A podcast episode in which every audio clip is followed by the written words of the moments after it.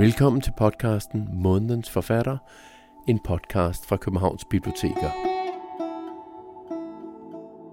Altså man fjerner jo trygheden, synes jeg, også for sit eget liv, når man øh, udfordrer det, det, man ligesom er født ind i og har været i altid. Ikke? Og det er ikke rart at få fjernet trygheden nødvendigvis.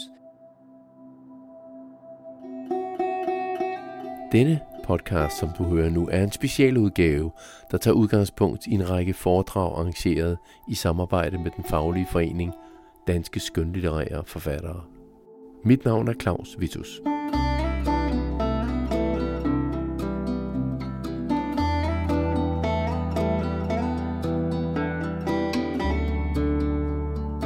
I denne podcast er det forfatteren Hassan Prejsler, der fortæller om Hans Kirk med udgangspunkt i Hans Kirks roman Fiskerne, en af dansk litteraturhistorisk klassikere. En roman, der har næsten 100 år på bagen, men alligevel er aktuel. I hvert fald mener teateret Nordkraft i Aalborg, at den er aktuel, og de vil lave en teateropsætning af romanen, og derfor har de henvendt sig til Hassan Prejsler, som oprindeligt er uddannet skuespiller. Han skal så dramatisere romanen til teater, og det var baggrunden for, at han blev bedt om at holde et foredrag på Hovedbiblioteket i december 2020. Det, det er jo øh, en bog, der ligesom for mig i hvert fald illustrerer øh, Hans Kirks egen kulturelle splittelse. Hans far kom fra et øh, indremissionsk miljø op i Nordjylland, og hans mor fra et grundvigiansk miljø. Øh, og det var jo sådan, at de hvis man skal tale lidt generelt, at de, de indre missionske miljøer var især ude ved vestkysten, og de øh, uh, grundvigianske længere ind i landet. Især op i den, uh, i den sådan virkelig velfungerende Limfjord, der var, var de grundvigianer. Ikke? Og der var selvfølgelig kultursammenstød mellem de her to retninger, uh, som til tider var ret brutalt, og som vi jo på en eller anden måde stadig står midt i, selvom det hedder, altså vi er jo ikke indremissionske og grundvigianske, men vi er jo stadig, synes jeg, midt i præcis det samme kulturopgør, ikke? som, som øh, i hvert fald startede der måske tidligere end da. Øh, og, og til det her lille sted, til den her by i Limfjorden, der kommer øh, fem familier og en ungkal med båden ud fra øh, Vesterhavet. De er flyttet ind i Limfjorden, fordi de simpelthen ikke kunne få det til at hænge sammen derude rent økonomisk. Altså fiskeriet var for hårdt, øh, de var øh, altså vanvittigt fattige og, og kunne altså simpelthen ikke øh, skaffe, hvad de skulle bruge for at overleve. Og derfor flyttede de ind i Limfjorden. Og mændene tog i forvejen. Øh, det var vel sådan, man gjorde dengang, kan jeg forestille mig. Og så kom, kvind, kommer kvinderne sejlende ind i starten øh, øh, med en båd, og der står mænd så ligesom og venter på, at de skal ankomme. Sådan her lyder indledningen på Hans Kirks Fiskerne, læst op af Hassan Prejsler. Der stod en lille flok yderst på broen og spejtede ud over fjorden i den lune sommeraften. De var klædt i fint blåt jakketøj med blanke støvler og mørke hatte. Det var fiskerne vestfra, som ventede på skibet med konerne og børnene. Nu var det besluttet, at de ville slå sig ned her og blive alle dage. De havde købt vand, gammel herregårdsret til ålestader og bundgarn. Paul Vrist havde allerede boet her nogen tid og var tilfreds og tjente gode penge. De andre havde fisket her en tid, var kommet rejsende hver forår, når sillefiskeriet skulle begynde, og var draget hjem om efteråret, når åleruserne var taget ind. Men først nu skiftede de bolig. Så længe familien var i Vesterhavssovnet, havde hjemmet jo været der, men nu skulle det så være anderledes. De var højtidlige alle sammen. Det blev man let, når man havde det gode tøj på, som kun blev brugt ved kirkegang og begravelser. Der var en anden tung alvor ved lugten. Men Anton Knupper havde ment, at det var passende at iføre sig de bedste klæder for, at kvinderne skulle skønne, at de var velkomne. Så betænksom var Anton Knupper, at han havde ret. Det var en stor time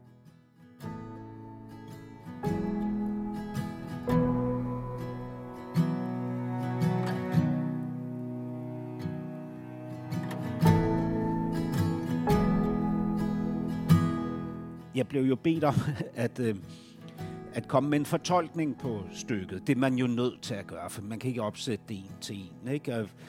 Jeg lavede sådan en ret vild fortolkning, fordi jeg prøvede ligesom at, at finde ud af, hvad, hvad synes jeg minder mest om noget, noget sådan, hvad kan man sige, veletableret, men samtidig øh, kulturelt skrøbeligt, øh, op imod noget, der ankommer, som er, hvad kan man sige, nyt og på den måde øh, ikke særlig etableret, men ekstremt øh, målrettet og fokuseret og stærkt på den måde. Øh, Øh, og, og der blev svaret for mig en eller anden dag, øh, det giver ikke helt mening, øh, men en eller anden dag, så var det, at det, det etablerede, altså det, det, som jeg ligesom sammenligner med det grundvigianske, det blev så politikken, øh, og det, der ankommer i mit hoved, blev så til de her nye, unge, woke, identitetspolitiske bevægelser.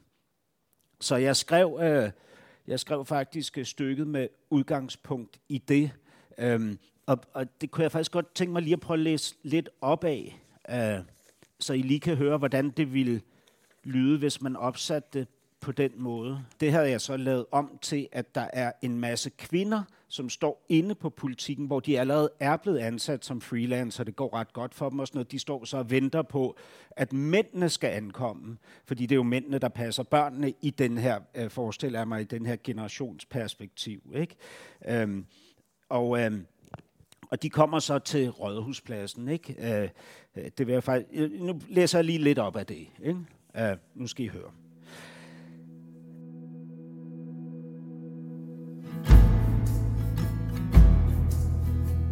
Der stod en lille flok op ad de store hjørnevinduer og spejtede ud over rådhuspladsen i den lune sommeraften. De var klædt i løs tøj, behagelige brune sko og lyse bluser. Det var de sidst tilkommende journalister, som ventede på mændene og børnene. Nu var det besluttet, at de ville tage arbejde her og blive alle dage. De havde opnået ansættelse, erfaring og anerkendelse på avisen – Gitte Dose havde allerede udgivet sine ting her nogle år og var tilfreds og tjente gode penge. De andre havde leveret freelance-artikler en tid, var kommet til hvert efterår, når sommeren var slut, og var gået igen om foråret, når avisen droslede ned for ferie. Men først nu rykkede de for alvor. Så længe de havde deres kontorfællesskab et andet sted, havde arbejdspladsen jo været der, men nu skulle det være anderledes. De var højtidlige alle sammen. Det blev man let, når man havde det gode tøj på, som ellers kun blev brugt ved receptioner og fester. Det var, der var en egen tung alvor ved duften af deres parfume, men Tess Ravnhøj havde ment, at det var passende at iføre sig de bedste klæder for, at mændene kunne skønne, at de var velkomne. Så betænksom var Tess Ravnhøj, og hun havde ret. Det var en stor time. Når Tess Ravnhøj prøvede en skæmt trak de lidt på smilebåndet af ren høflighed. Tess var single og havde ikke noget ansvar at grunde over. Nu syntes foretagendet med et så vågeligt. Ude i freelance-livet var det svært at få tingene til at hænge sammen. Slog de forskellige jobs fejl et år, var der frygt og jammer. Men der var hygge i mindet om både friheden og modstanden. Og i tidsåndens hånd lå det nu, hvilken skæbne de skulle få på den fremmede avis.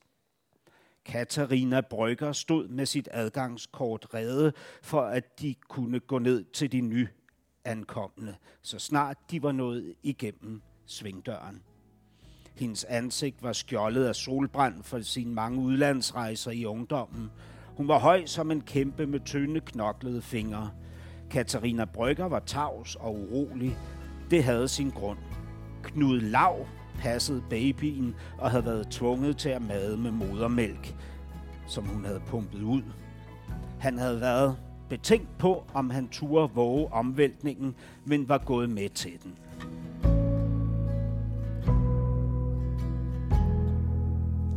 Og så videre. Øhm, så, øh, så jeg skrev ligesom øh, en hel masse scener med udgangspunkt i den her nye, anderledes konflikt mellem det etablerede og, og det nytilkommende, øh, og sendte det op til teateret og fik besked tilbage om, at jeg fuldstændig havde misforstået opgaven, fordi vi skulle opsætte fiskerne, og ikke en eller anden moderne fortolkning af det stykke.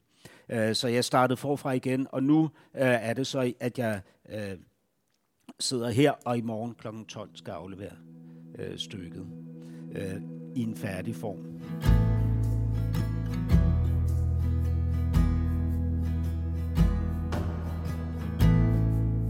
Hassan Preislers nye manuskript blev godtaget, og han er fortsat med at arbejde med dramatiseringen af Hans Kirks Fiskerne igennem 2021.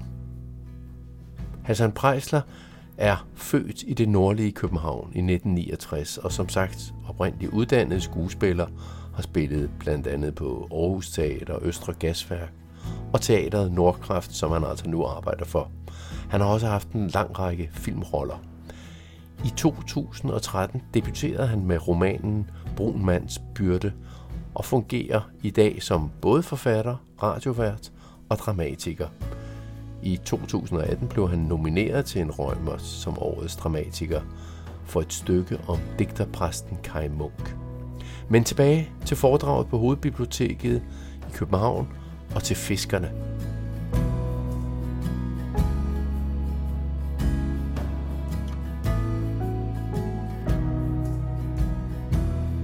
Det, der jo så sker i, øh, i fiskerne, efter de ankommer, det er, at de møder jo det her øh, lokale miljø af grundvigianere, som jo i deres øjne er ekstremt øh, frisindet. Øh, og ekstremt frisindet er ikke noget godt i de intermissionske, med de intermissionske briller på. Det er øh, en slags Sodoma og Gomorra, de kommer til, fordi der er dans på krogen, og ungdommen drikker alkohol, og øh, der bliver flørtet, og øh, Øh, så videre. Dans på hotellet er det jo. Øhm, og det, det øh, bryder de sig selvfølgelig ikke om, øh, så det prøver de jo at gøre op med. Og det gør de, fordi de sådan set mener, at de har pligt til at gøre det. Altså den forandring, der skal ske i det lokale miljø, er noget, de ligesom øh, er tvunget til at øh, forsøge at skubbe til, fordi det er den pligt, de ligesom har fået i og med, at de er indremissionske, som jo er en missionerende bevægelse, og at øh, de har fået besked på Gud, fra Gud om, at de skal øh, forandre tingene. Ikke? Det er jo en ret vild ting at arbejde. Jeg ved ikke, hvorfor det er blevet mit lod, fordi jeg er jo vokset op som hyperateist, men nu skriver jeg jo mit tredje stykke i træk om noget meget religiøst, altså øh, indre mission og grundvigianerne i den her konflikt, nu med fiskerne, og så skrev jeg øh, et teaterstykke om Kai Munk, en, en portrætforestilling for to år siden, øh, som i øvrigt blev Rømert nomineret.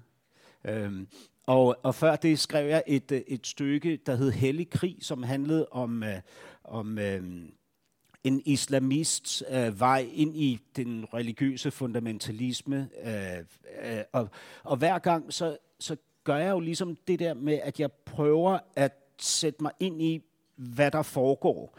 Øh, øh, dels i de miljøer, men også i det indre hos de her mennesker, fordi øh, jeg står jo øh, det sted, jeg altid har stået, som øh, hvad kan man sige, et menneske, der er sunket ned i noget meget venstreorienteret kulturradikalt. Ikke? Jeg blev ligesom født ind i den familie, øh, Prejsler-familien her i, øh, i Ordrup, og så er jeg jo øh, vokset op i, i, i det der miljø og, og kom så ind i, som ung ind i teatermiljøet, som også er venstreorienteret. Øh, og, og, og det vil sige, at man går jo og har det samme perspektiv øh, inde i sig selv, og sammen med de andre på verden, som man har, og det er ret øh, fastlåst. Så det, den den eneste måde, man ligesom kan portrættere noget, det er i armslængde. Og det synes jeg er vanvittigt øh, problematisk, fordi øh, det bliver jo sådan nogle, hvad kan man sige, lidt overfladiske skildringer af, af problematikker. Øh, jeg opdagede, da jeg interviewede de her rekrutterende imamer til, øh, til hellig krig, øh, at når jeg talte med dem, og det var nogle hardcore fyre, altså unge mænd, ikke højt uddannet. En af dem var grafiker, havde gået på grafisk EFG i Herlev, og var blevet reklametegner, inden han så mødte øh, først, øh, hvad hedder de, øh, Hizbut Tahir, og siden øh, Islamisk Stat, og så øh, begyndte han at sende unge mænd til, til hellig krig i Syrien. Ikke? Øhm, altså nogle ret hardcore øh, øh, mennesker, men, men med, med fuld bevidsthed, altså masser af, hvad kan man sige, refleksion, uddannelse, erfaringer fra, fra forskellige øh, sider af livet, blandt andet min side af livet. Ikke? Så når jeg prøver at lægge sådan et, et socialantropologisk, øh, øh en socialantropologisk perspektiv ned over øh, hans livsvalg, altså når jeg sagde til ham, jamen grunden til, at du har truffet beslutning om at blive fundamentalist, er, at du var marginaliseret i din barndom og ungdom og udstødt af, fra majoritetssamfundet, alt det der, vi siger. Så sagde han, nej, det passer ikke. Jeg, øh, jeg vælger det her, fordi øh, at det siger Gud, jeg skal. Ikke? Øhm, så, så bliver det jo ekstremt svært for, for mig ligesom at forstå, hvad det er, der foregår, hvis jeg bliver inde i den der boble. Så jeg prøver ligesom at gå ind i det der. Altså lad mig forføre af den der imam, eller de der imamer, til ligesom at, at forstå, hvad det er, der foregår. Øh, og, og på samme måde, da jeg... Øh, hvilket i øvrigt er en ret skræmmende oplevelse, fordi det fungerer jo. Altså, jeg blev jo forført af det der, ikke? Og, og på et tidspunkt, der oplevede jeg, at der var altså ikke ret, der skulle ikke ret meget mere til, end det jeg oplevede på det tidspunkt der, øh, sammen med ham der, øh, især den ene af de der imamer, ikke, som, som bare var øh, ekstremt charmerende og virkelig lovede mig udfrielse. Ikke? At der skulle ikke ret meget mere til, end det jeg fik, før jeg ville have givet mig hen til det. Ikke? Øh, det samme, øh, da jeg skal skrive om Kai Munk, mit, mit perspektiv på Kai Munk er jo det, som de fleste af os har, som er, at han var en religiøs fanatiker, at han var... Øh, øh, øh, højere radikal nationalist, at han var øh, at han havde en syg dødslængsel også. Altså han opsøgte det, det der martyrium, ikke? Og, og i øvrigt, øh, altså vi er af en eller anden grund, nu, nu er man begyndt at opføre ham øh, øh på teaterne i Danmark, men ellers så har vi jo aldrig rigtig gjort det herhjemme. Det er for pom- pompøst og for højere orienteret, ikke? til at man rigtig vil røre ved det. Øh, Øh, ordet for eksempel er jo filmatiseret og har også været opsat øh, to steder. Aarhus Teater og det kongelige, tror jeg. Jeg kan ikke huske det. Betty Nansen var det nok. Øhm, øh, og og det, det er jo et, et besværligt stykke, fordi der er jo, øh, altså, der er jo et menneske, der genopstår. Ikke? Og det kan vi jo kun ironisere over i min verden, ikke? fordi vi er jo også artister alle sammen. Øhm, øh, alle 100 procent. Øhm, så, så det var, øh, når, da, da jeg så ligesom skulle prøve at sætte mig ind i det der med Kai Munk, så blev det jo også noget med at opsøge øh, det miljø, han kom fra, altså tage til Vidersø, opsøge præstegården, hænge ud med hans familie. Han har øh, stadig en, en, en, hans yngste søn lever stadig, og han har børnebørn, en hel familie, som er meget optaget af ham. Øh, jeg måtte øh, hænge ud med Per Stig Møller, fordi han har skrevet en biografi øhm, på 1400 sider, tror jeg, om Kai Munk. Den skal I læse. Det er altså et fantastisk stykke arbejde. Tænk engang, at vi har haft en kulturminister, der rent faktisk kunne skrive bøger engang og interessere sig for kultur. Det, man kan næsten ikke huske det. Øh, nå, men, men øh, øh, og, og, så, og så ligesom også prøve at, at altså, træde ind i hans det religiøse univers, og det gør jeg meget via hans ældste barnebarn, som hedder Arance Lund. Hun, øh, hun er troende, som Kai Munk var, og kunne øh, sætte mig ind i rigtig meget af det, han, øh, han ligesom stod for. Hvorfor at, at, at man ikke kan kalde det religiøs fanatisme og tro på martyret, men, men, øh, men, men noget meget kristent. Ikke? Øh, og, og, øh, det, det var jo ligesom, hvad kan man sige, af den proces, jeg, jeg skulle igennem. Med, med det her, øh, der har det været meget sværere, fordi det er ikke entydigt, hvor jeg skal gå hen.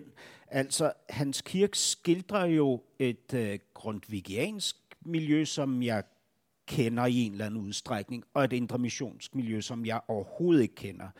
Men Hans Kirk er jo ikke begejstret for det indre missionske. Altså, han er, han er kommunist og, og synes, at religion, religion er frygteligt. Øhm, og, øh, og i udgangspunktet, så, så er det jo præcis sådan, det skal være for mig, for at, at jeg kan gå ind i noget, øh, så, så skal det jo flugte med, med det, jeg øh, også synes. Så det virkede umiddelbart som en meget let opgave.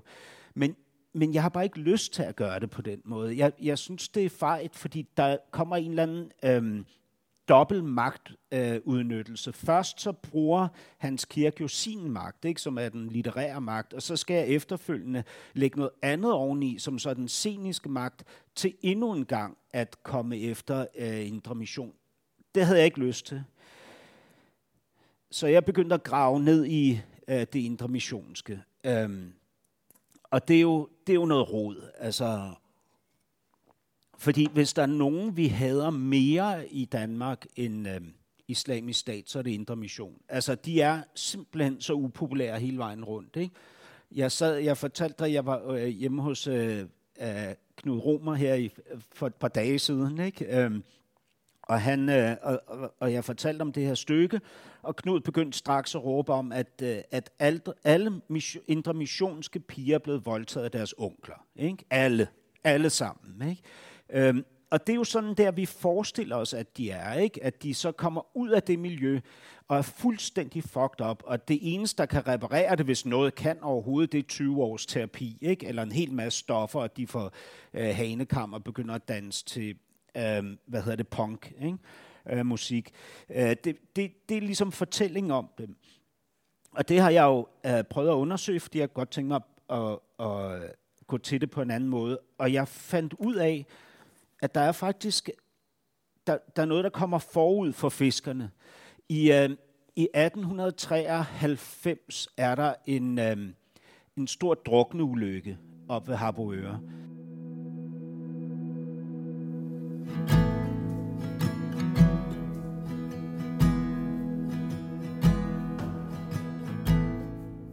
Drukneulykken ved Harboøre er en af de store skibskatastrofer i Danmark. Den er både kendt, fordi den ramte hårdt og uventet, og fordi den blev begyndelsen på en stærk intramissionsk vækkelse i det lille vestjyske samfund Harboøre, som ligger ved Limfjordens udløb i Vesterhavet. Den 20. november 1893 om aftenen drog omtrent 20 fiskerbåde ud fra kysten i Harboøre. Det var normalt. De skulle ud og fiske, Vejret var stille, og havet var roligt. Men da natten kom, ændrede det sig med et. Vesterhavet kan være meget uforudsigeligt. En storm væltede ind over, seks både kendrede, og 26 fiskere, alle mænd fra Harboøre, omkom den nat.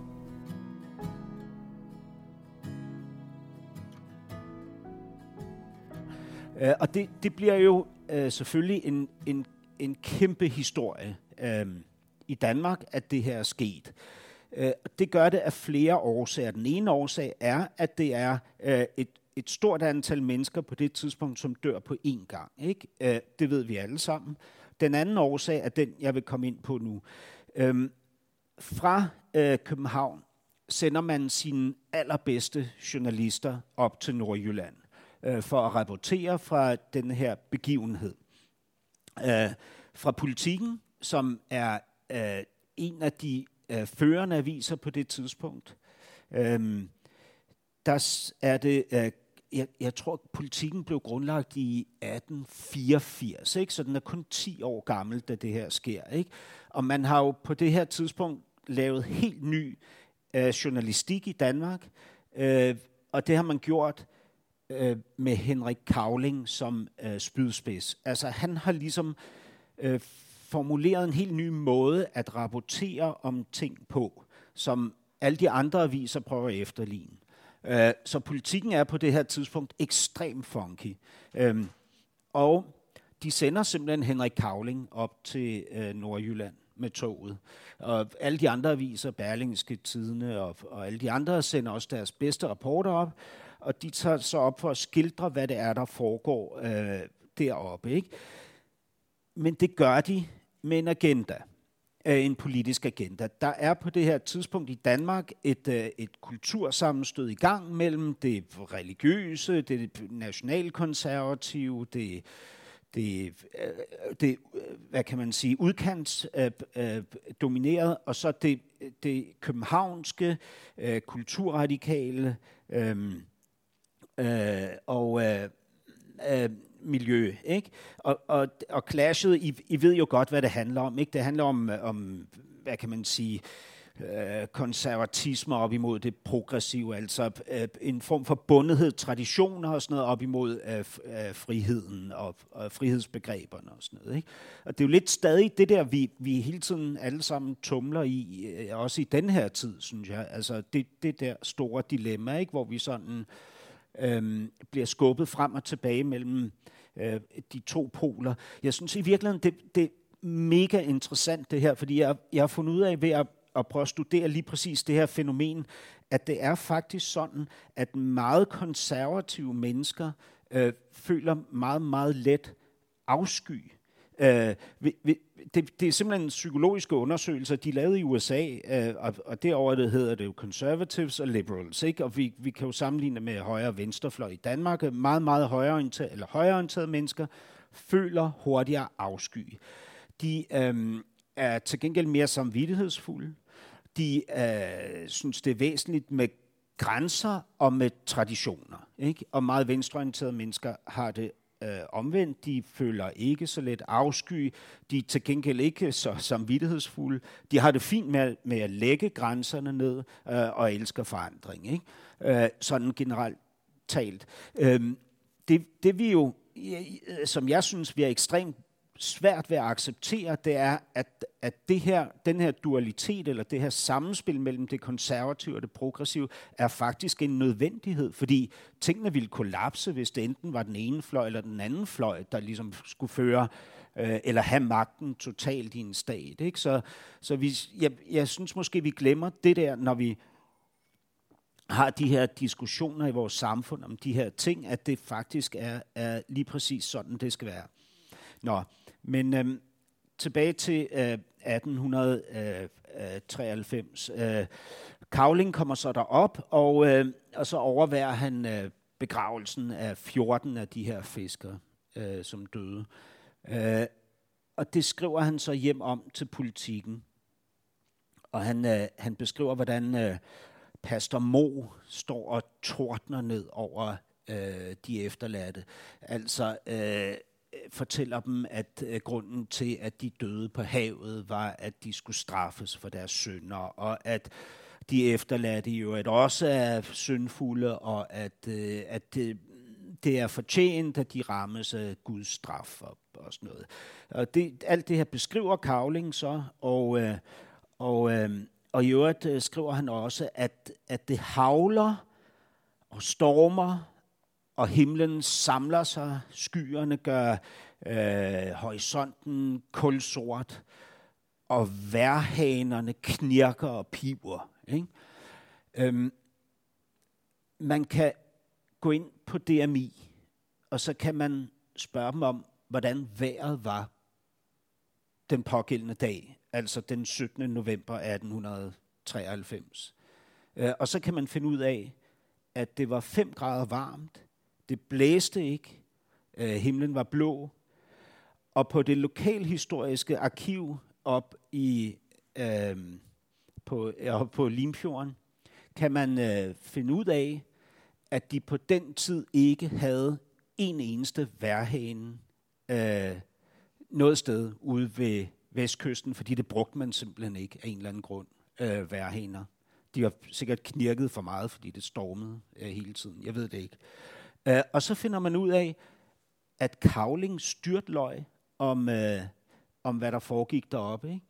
Og så tænker man, hvor, hvorfor gjorde han det? Og, og min konklusion er jo, at det var jo, uh, om, om det var bevidst eller ubevidst, materiale, han samlede sammen til den kulturelle seksløber, han skulle lade, så han kunne vinde, være med til at sejre i det her store kulturopgør, som jo allerede var i gang på det tidspunkt. Øhm, og øhm, og som, som, jo har, som jeg også synes har kørt øh, øh, lige siden dengang. Nå, men, øhm, men, men det er jo, det er, det, alt det her nævner jeg, fordi jeg synes, det er mega spændende i forhold til fiskerne. 30 år senere, præcis 30 år senere, udkommer Hans Kirk med den her bog. Og alle de mennesker, der ligesom har følt sig som ofre for den her bevægelse, vi har, som vi i gang sat på det tidspunkt, som siden blev voldsommere og voldsommere, siger, indre mission øh, blev, øh, blev smadret på det tidspunkt i 1893. Der har været frit løb mod dem lige siden. Vi har kunnet sige og gøre, hvad vi ville i forhold til indre mission. Der har ikke været nogen stopklods overhovedet. Og Hans Kirk ville aldrig have kunnet skrive den her bog, hvis der ikke øh, havde været øh, de her journalister, der tog op til øh, Limfjorden eller Vesterhavet og beskrev den her druknulykke i 1893.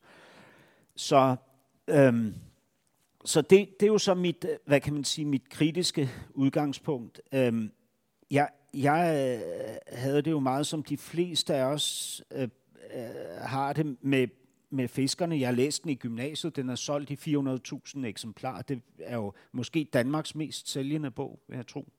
Øh, flere end Yahya Hassan oven i købet.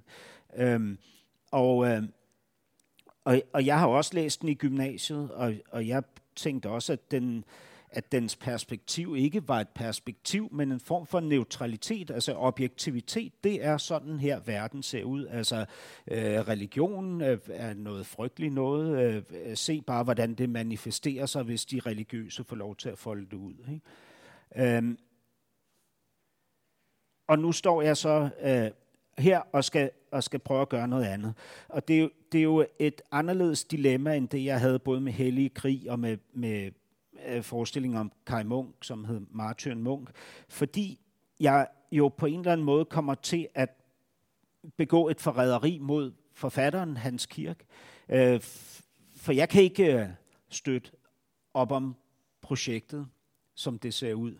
Øh, og det er jo... Øh, det, det har jeg jo tænkt meget over, hvordan jeg skulle sige her i dag, fordi jeg kunne jo forvente, at rigtig mange af jer er kommet her, ikke fordi I er fans af Hassan Prejsler, men fordi I er fans af hans kirke. Så hvordan får man talt om det med, at man øh, lige pludselig har fået vendt sit perspektiv på en forfatter, som man lærte at elske, men nu faktisk synes øh, øh, deltog i et, øh, i et kollektivt magtmisbrug over for nogle mennesker, der ikke kunne forsvare sig. Og hvad gør man så nu? Ikke?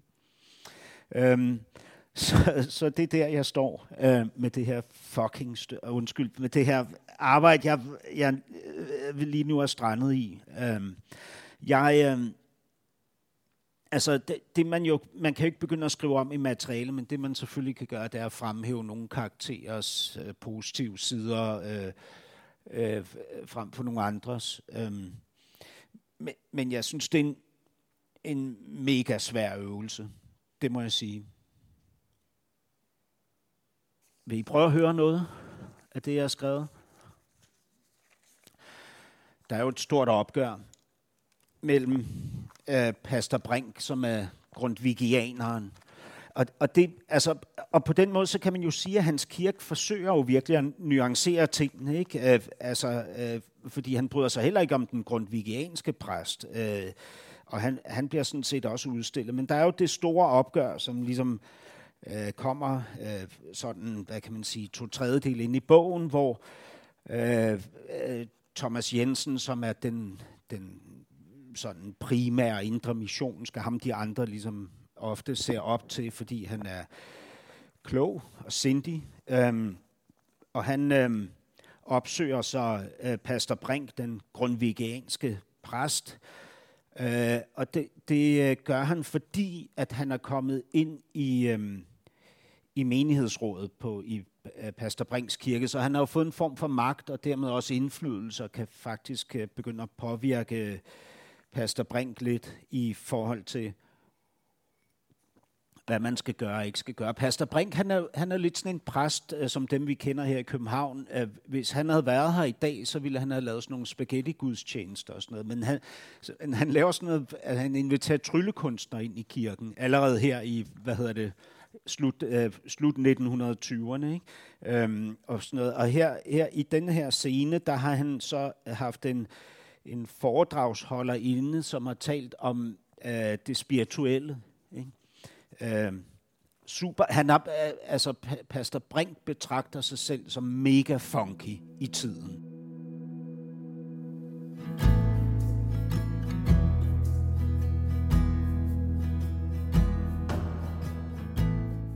En aften så Pastor Brink, at Thomas Jensen var at finde på en af de nederste bænke i salen.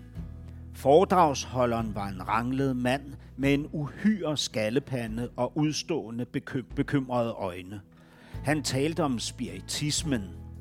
Præsten ærgede sig. Foredraget var dilettantisk, men manden havde været så beskeden i sine krav. Det var blot uheldigt, at Thomas Jensen skulle komme til stede netop i aften. Da foredraget var endt, og folk forlod salen, gik Thomas Jensen hen til Pastor Brink. Thomas, rolig stemme. Der var en ting, jeg gerne ville spørge præsten om. Er de enige med manden? Brink, undvigende. Enig og enig. Jeg mener ikke, man helt kan forkaste spiritismen, og skriften taler jo gang på gang om ånder. Thomas. Jeg har nu forstået det sådan, at vi ikke måtte beskæftige os med åndemanen. Og jeg kan ikke se andet end, at spiritisterne gør det. Og jeg forstår ikke vel, at præsten vil kalde ungdommen sammen for at høre om de gerninger. Brink. Rød af vrede, ånder tungt. Taler de til mig som et medlem af menighedsrådet? Selvom de gør det, tilbageviser jeg deres kritik. Jeg står ikke på nogen måde inde for dette foredrag, men jeg kan ikke indse, at det kan skade de unge og få besked om de åndelige bevægelser, som findes i tiden. De kan ikke tvinge mig til åndelig ensidighed. Jeg vil ikke, og jeg kan ikke lade mig spænde ind i noget system. Thomas, stadig rolig. Der er ingen, som vil tvinge dem. Jeg kan da heller ikke tænke mig, at der er nogen, som har den hensigt. Men jeg siger det, som jeg mener. Vi hellige synes ikke om den slags taler, og vi tykkes knap, at det er deres opgave at foranstalte ugudelige foredrag. Og en ting husker de ikke på. Efter foredragene her går ungdommen lige ned på hotellet og danser. Brink. Rystende stemme de er et ufordrageligt menneske, Thomas Jensen. De må mene, hvad de vil, men jeg vil ikke nægte de unge en uskyldig fornøjelse. Jeg har selv danset i min ungdom, og der skete ikke noget ved det. Thomas. Ved de, hvor mange piger dansen fører i ulykke? Men det kan de ikke kende til. Ellers tog de ikke det ansvar på dem. Brink. Hissit. Jeg ved om folk, der kaldte sig hellige og Guds børn, men deres gerninger var ikke lysets. Der er brødne kar i alle lande. Da bogen udkom, der var der jo lynchstemning i Gjøl. Uh, øh, Gjøl er, er den by, der ligesom er, uh, altså det er jo så, hvad hedder det, Hans Kirks, uh, den hedder ikke noget i bogen, men, men man, man mener, det er Gjøl, der ligesom er, er fundamentet for den by, han har skildret. Um, der var lynchstemning. De havde ham simpelthen for, for at have skrevet, som de gjorde, ikke? eller som han gjorde. De følte sig udstillet og kategoriseret og, og nedgjort osv. Øhm. Ja, så, og så er der jo fortællingen om Tabitha, ikke? som er den unge pige, der, øh, som jo i romanen ligesom gør sig fri, ikke? og og til aller, aller sidst i bogen, så står hun, øh, det starter jo som jeg beskrev med, at fiskerne står og venter på kvinderne, der kommer ind. Ikke? Hun står så til sidst og venter på sin kæreste, som skal komme ind fra storbyen og, og tage hende ud af det her miljø. Ikke? Med det barn, hun bærer i maven, øh, øh som, som jo så er blevet, hvad hedder det, undfanget i, altså uden for ægteskabet. Ikke? En frygteligt, øh, selvfølgelig, øh, regelbrud. Ikke? Øh, men jeg har så ringet til uh, Tabitha, baserer sig på et, et menneske, der levede i virkeligheden, som var Hans Kirks kusine Maren Kirk. Jeg har ringet til Maren Kirks datter, uh, og så har jeg mødtes med hende for at høre, hvordan var det med Maren Kirk? Var hun sådan en, der var uh, snørret ind af sin fundamentalistiske mor, uh, om, og, og øh, begik en stor synd og måtte bryde, bryde fri af det der miljø. Ikke? Øhm, Og det, det er jo mega spændende, fordi det var hun slet ikke. Altså, hun var slet ikke ude i nogen frigørelsesprocesser. Altså, hun tog til storbyen for at uddanne sig. Moren støttede det. Øhm, der, der er inden for indre mission et princip, der handler om, at man skal rammes af en vækkelse. Øh, den skal man ligesom selv sørge for, at man bliver ramt af. Ikke? Så det, vil, det hedder, at du kan blive født som indre missionsk, men du er ikke omvendt, før du ligesom har set lyset en eller anden dag. Og det skal du altså selv opsøge og komme og rapportere om, hvis du gerne vil. Ikke? Øh, Maren Kirk øh, var øh, altså øh, hende, der øh, øh, øh, øh er, for, for Tabita. Hun var i København og, øh, og studerede engelsk på universitetet. Og så skulle hun til en stor fest på, øh, på kollegiet øh, om aftenen. Og mens hun gør, gør sig klar, så er der øh, en solstråle, der øh, reflekterer i, en, i et vindue fra bygningen over for at ramme hende i ansigtet, og pludselig øh, mærker hun så øh, Gud, øh, Guds hånd, ikke? der øh, griber ind, og hun, øh, hun bliver omvendt i det øjeblik. Altså mens hun er i hovedstaden, studerer engelsk og så videre, ikke? Øh, og har et fint liv, så bliver hun så øh, vagt og, øh, og tager så tilbage til øh, Limfjorden med en mand, hun så møder et, øh, jeg kan ikke huske hvor, hun studerede øh, på en husholdningsskole et sted i Jylland, og ham tager hun så med op til Limfjorden og vælger selv at flytte tilbage øh, og blive indre missionsk øh, fullblown. Ikke? Så Tabita, øh, virkelighedens Tabita, øh, ender jo ikke med at gøre sig fri af det der og, og hvad hedder det, danse ud, af en, ud på en græsmark med sin fantastiske kæreste i komplet frihed fra alt det, der har tynget og bundet hende ind til da.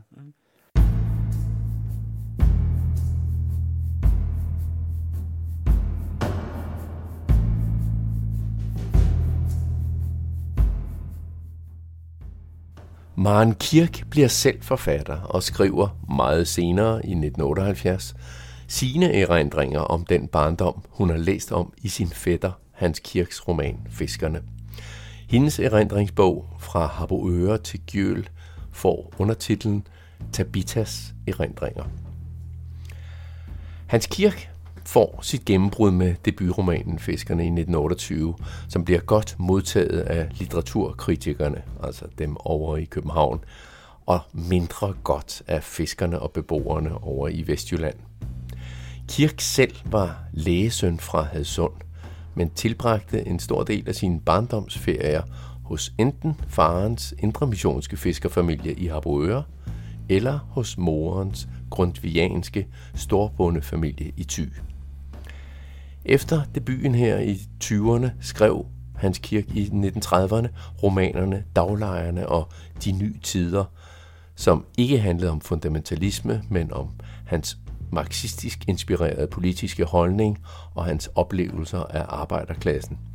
Hans Kirk blev medlem af det kommunistiske parti i 1931, og han blev under besættelsen sat i fangelejr indtil 1943, hvorefter han flygtede og dermed også undgik koncentrationslejre. Efter krigen skrev Hans Kirk flere romaner, blandt andre Vredens søn og Djævelens penge, og han arbejdede som skribent på det kommunistiske dagblad Land og Folk. Man kan læse mere om Hans Kirk og hans forfatterskab på litteratursiden.dk, og på biblioteket kan man finde flere biografier om Hans Kirk. Men nu tilbage til slutningen på Hassan Prejslers foredrag på Hovedbiblioteket. Et foredrag, hvor Hassan Prejsler mest kredsede om fiskerne og om at beskrive fundamentalistiske miljøer i Danmark, sådan som Hans Kirk og også journalisterne fra politikken gjorde det.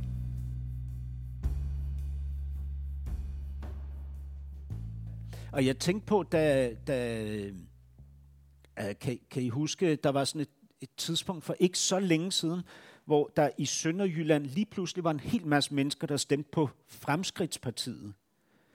Og der, altså der, der sendte de jo, nu er han jo død, men de sendte jo kavlinger hele balladen derned, ikke? for at undersøge, hvad der var gået galt i Sønderjylland. Ikke?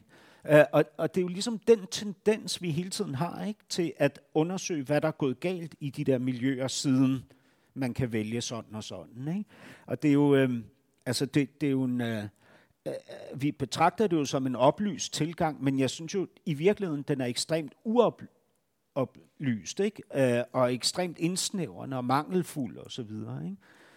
Øhm, men det er mega svært, fordi nu, nu skriver jeg jo til en instruktør, øh, hun er venstreorienteret, ikke? Jeg, jeg, og, og en del af teatermiljøet, ikke? og øh, er ateist og sådan noget. Jeg skriver til en teaterchef, hun er også venstreorienteret og øh, er ateist og en del af det her teatermiljø. Ikke? Så kampen er jo øh, den, den besynderlige kamp, som jeg bare synes, jeg oplever flere og flere gange, jo ældre jeg bliver, det er, at jeg kommer til at repræsentere noget, som jeg egentlig ikke repræsenterer, alene fordi jeg gerne vil have, at vi har øh, et, et mere nuanceret kunst øh, udtryk. Ikke? Altså, at vi kan give stemmer til nogen, som vi ikke nødvendigvis er enige med eller minder om, men at de kan få lov til at tale lige så intelligent og lige så indsigtsfuldt og lige så oplyst, som dem, der jeg, jeg putter op på scenen, som minder om mig. Ikke? Men det er, det er en, altså, det, det er nærmest en håbløs kamp, vil jeg sige, øhm, at, øh, at nå frem til det der. Nu får vi se, hvor det ender. Jeg får i hvert fald ikke lov til at lave det øhm, til et, øh, et kamp, en kamp mellem politikens redaktion og, øhm, og hvad hedder det, de, de unge identitetspolitiske aktivister. Det, det vil de ikke gå med til. Men det, det er mega spændende. Jeg synes jo bare, det er sindssygt spændende at, at dykke ned i det her. Altså, det, det er jo... Øhm, altså, man fjerner jo trygheden, synes jeg, og, også fra sit eget liv, når man øh, udfordrer det det, man ligesom er født ind i og har været i altid. Ikke? Og, og det er jo ikke nødvendigvis rart at få fjernet øh, trygheden. Altså, øhm, og det mener jeg virkelig bog, bogstaveligt. Altså, det er ikke rart at få fjernet trygheden nødvendigvis. Jamen, det, det er helt klart, øh, hvad kan man sige, øh, konf- eller konflikten mellem Thomas Jensen og altså øh, ham, der ligesom er deres, øh, hvad kan man sige, frontfigur, ikke? De indre missionske, og så Øh, øh, Pastor Brink, ikke? den øh, bløde øh, grundvigianske kulturradikale præst. Ikke? Det synes jeg er mega spændende. Men det er det jo, fordi jeg indeholder de to øh, sider. Ikke? Øh, altså, det er mig øh, splittet, ikke? og det, det har det sådan set altid været. Og det er ikke, fordi min far er fra Pakistan og min mor er fra Ordrup. Altså, øh, fordi min far er hyperateist, ikke? Og, og, hvad hedder det, højt uddannet og, og sådan noget. Så det er ligesom ikke sådan der, der. Jeg har det bare inde i mig begge de to ting. Ikke? Altså, en, en, altså en tendens til at være øh, ekstremt øh, principiel øh, omkring tingene, ideologisk, ikke? Øh, og, og, og finde øh, øh, tryghed og stolthed i det. Ikke? Og så det andet, som ligesom er sådan noget med, at man illustrerer sig selv ved at lade som om, man kan rumme al frihed i hele verden. Ikke? Og, og øh hvad hedder det, at, at ens projekt, hele ens eksistens handler om at sætte fri. Ikke? Øh, samtidig med, at man bare indsnæver og indsnæver og indsnæver. Ikke?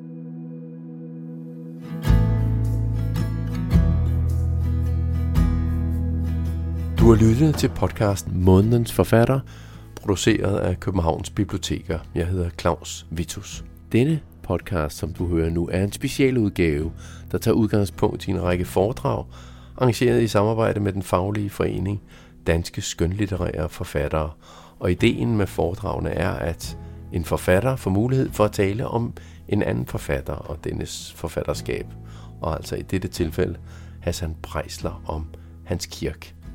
Andre eksempler på podcast og foredrag er Dy Plambæk, som fortæller om to Ditlevsen, eller Mathilde Clark, der fortæller om den sydafrikanske forfatter J.M. Coetzee. Du kan finde flere podcast af samme slags her, hvor du har fundet denne podcast. På genhør.